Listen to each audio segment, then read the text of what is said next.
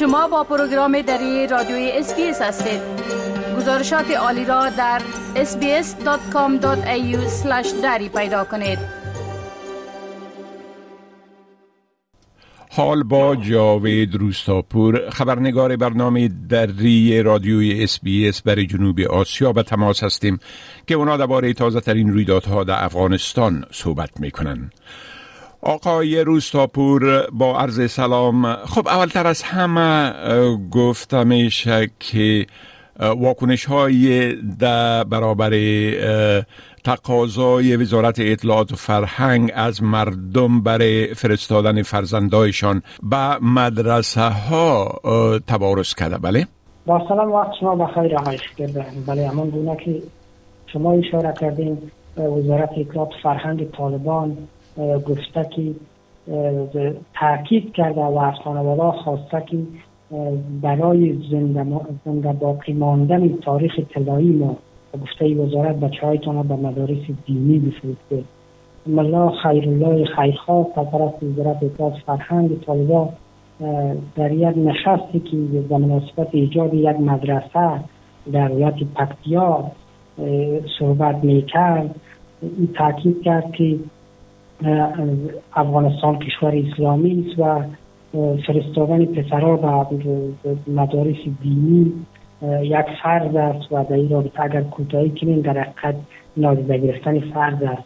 او افزوده که طالبا بیشترین تاکیدشان به ایجاد مدارس دینی در افغانستان دارند و همچنان هر قدر منابعی که به این راستا به دست بیاره مصرف کنند و گفته آقای خیرخواه گفته که این مسئله چیز ندارد.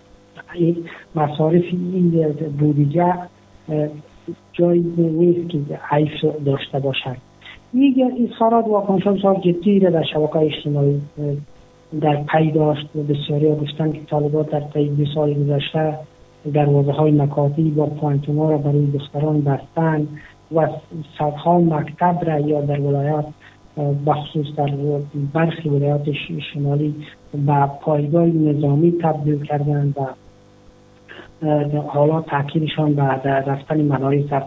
بخش دیگری از واکنش هایی بوده که این مدارس دینی پاکستان در حقیقت پسرها را تاکید می‌کنند که بفرستن و یا شامل مدارسشان این از اینجا بیشتر افراد با دیدگاه افراطی و رادیکال بیرون میشن که در حقیقت تربیه ادامه مکاتب مدرسه, است که از اینجا تروریزم فعالیت می‌توانید بقای تروریست گفته که افزایش می‌توانید یک به گفته کاربران شبکه اجتماعی در سطح منطقه یک نگرانی بسیار جدی است.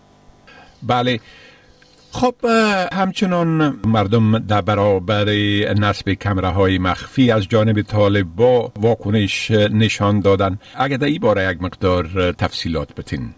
پس از که این مسئله امگانی شد و عبدالمتین قانه اسخندی وزارت داخله اداره طالبا گفت که تاکنون بیش از 62 هزار کمره قابل دید و مخفی امنیتی در کابل و برخی شهرهای دیگر نصب شده و او گفت که تعداد کمره ها مخفی شد بیشتر از این باشد و این روند ادامه دارد. از جمله واکنش عمده را سازمان عفو بین داشت و این سازمان گفت که اجرای چنین برنامه و گفته این سازمان امنیت ملی نیست بلکه یک برنامه ظالمانه است و طالبان حقوق اساسی مردم بخصوص زنان را در محیط عمومی و نقص کردن با کارشان. از سوی دیگرم کارشناسان امور میزانی در واکنش با این مسئله گفتن که در کشورهای پیشرفته جهان که از کمره های نظارتی استفاده نشود قوانین سختگرانه برای حفاظت از حریم خصوصی مردم وجود دارد. اما برخلاف در افغانستان چنین چنین قوانین وجود ندارد. و گفته به باور این کارشناسان افغانستان یک جامعه سنتی و جنگزده است.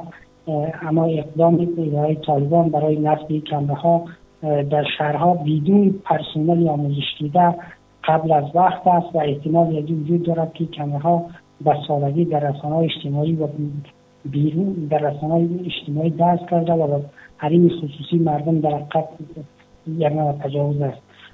طالبان برای نخستین بار چند ماه پیش باشندگان بخش ساج کابل را وادار کرده بودند که در کوچه ها و در بالای دروازه هایشان کمره امنیتی نصب کنند.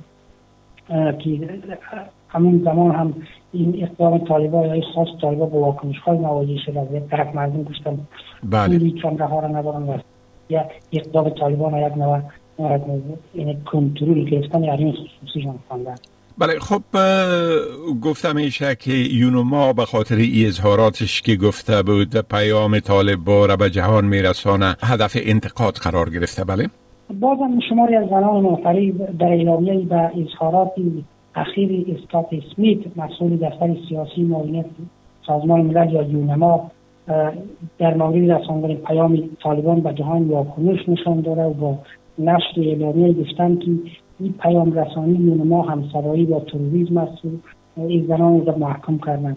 جالب است که دفتر ریاست وزرای طالبان در اعلامیه نقل از مسئول یونما یک نوشتی سازمان خواهان رساندن پیام گروه طالبان در جهان است. اما زنان منقرض تاکیدشان است که یونما نباید چنین موضوعی را اعلام کند و هر چه زودتر این مسئول سیاسی یونما باید این مورد معلومات بتد و وضاحت بدهد در حالی که به گفته اینا مردم افغانستان طی دو سال تسلط طالبان به خاطر مسائل قومی زبانی مذهبی و جنسیت زیر تعدید شکنجه سرکوب و حتی شمارشان کشته شدن اما یونما این موضوع را نادیده می‌گیرد و از حق حقوق مردم افغانستان و آزادی های مردم افغانستان را چشم پوشی می‌کند و در حمایت از طالبا اظهار نظر می‌کند. این زمان مستقیل تنها اظهارات با واکنش های یا دستنده نشده در شبکه اجتماعی مردم اظهارات گوناگون داشتن. از جمله تاکید بوده که در دو سال گذشته جامعه جهانی و سازمان ملل در پیوند با کارنامه های طالبان همواره یک نوع امسویی و داشتن و به نوعی به این مورد محافظت کاری کردن که این اعمال طالبان را نادیده گرفتن بله خب بسیار تشکر آقای روستاپور از دی معلوماتتان و فعلا شما را به خدا می سپارم و روز خوش برتان آرزو می کنم وقت شما هم خوش خدا حافظ ناصرتان بپسندید شریک سازید و نظر دهید اسپیس دری را در فیسبوک تعقیب کنید.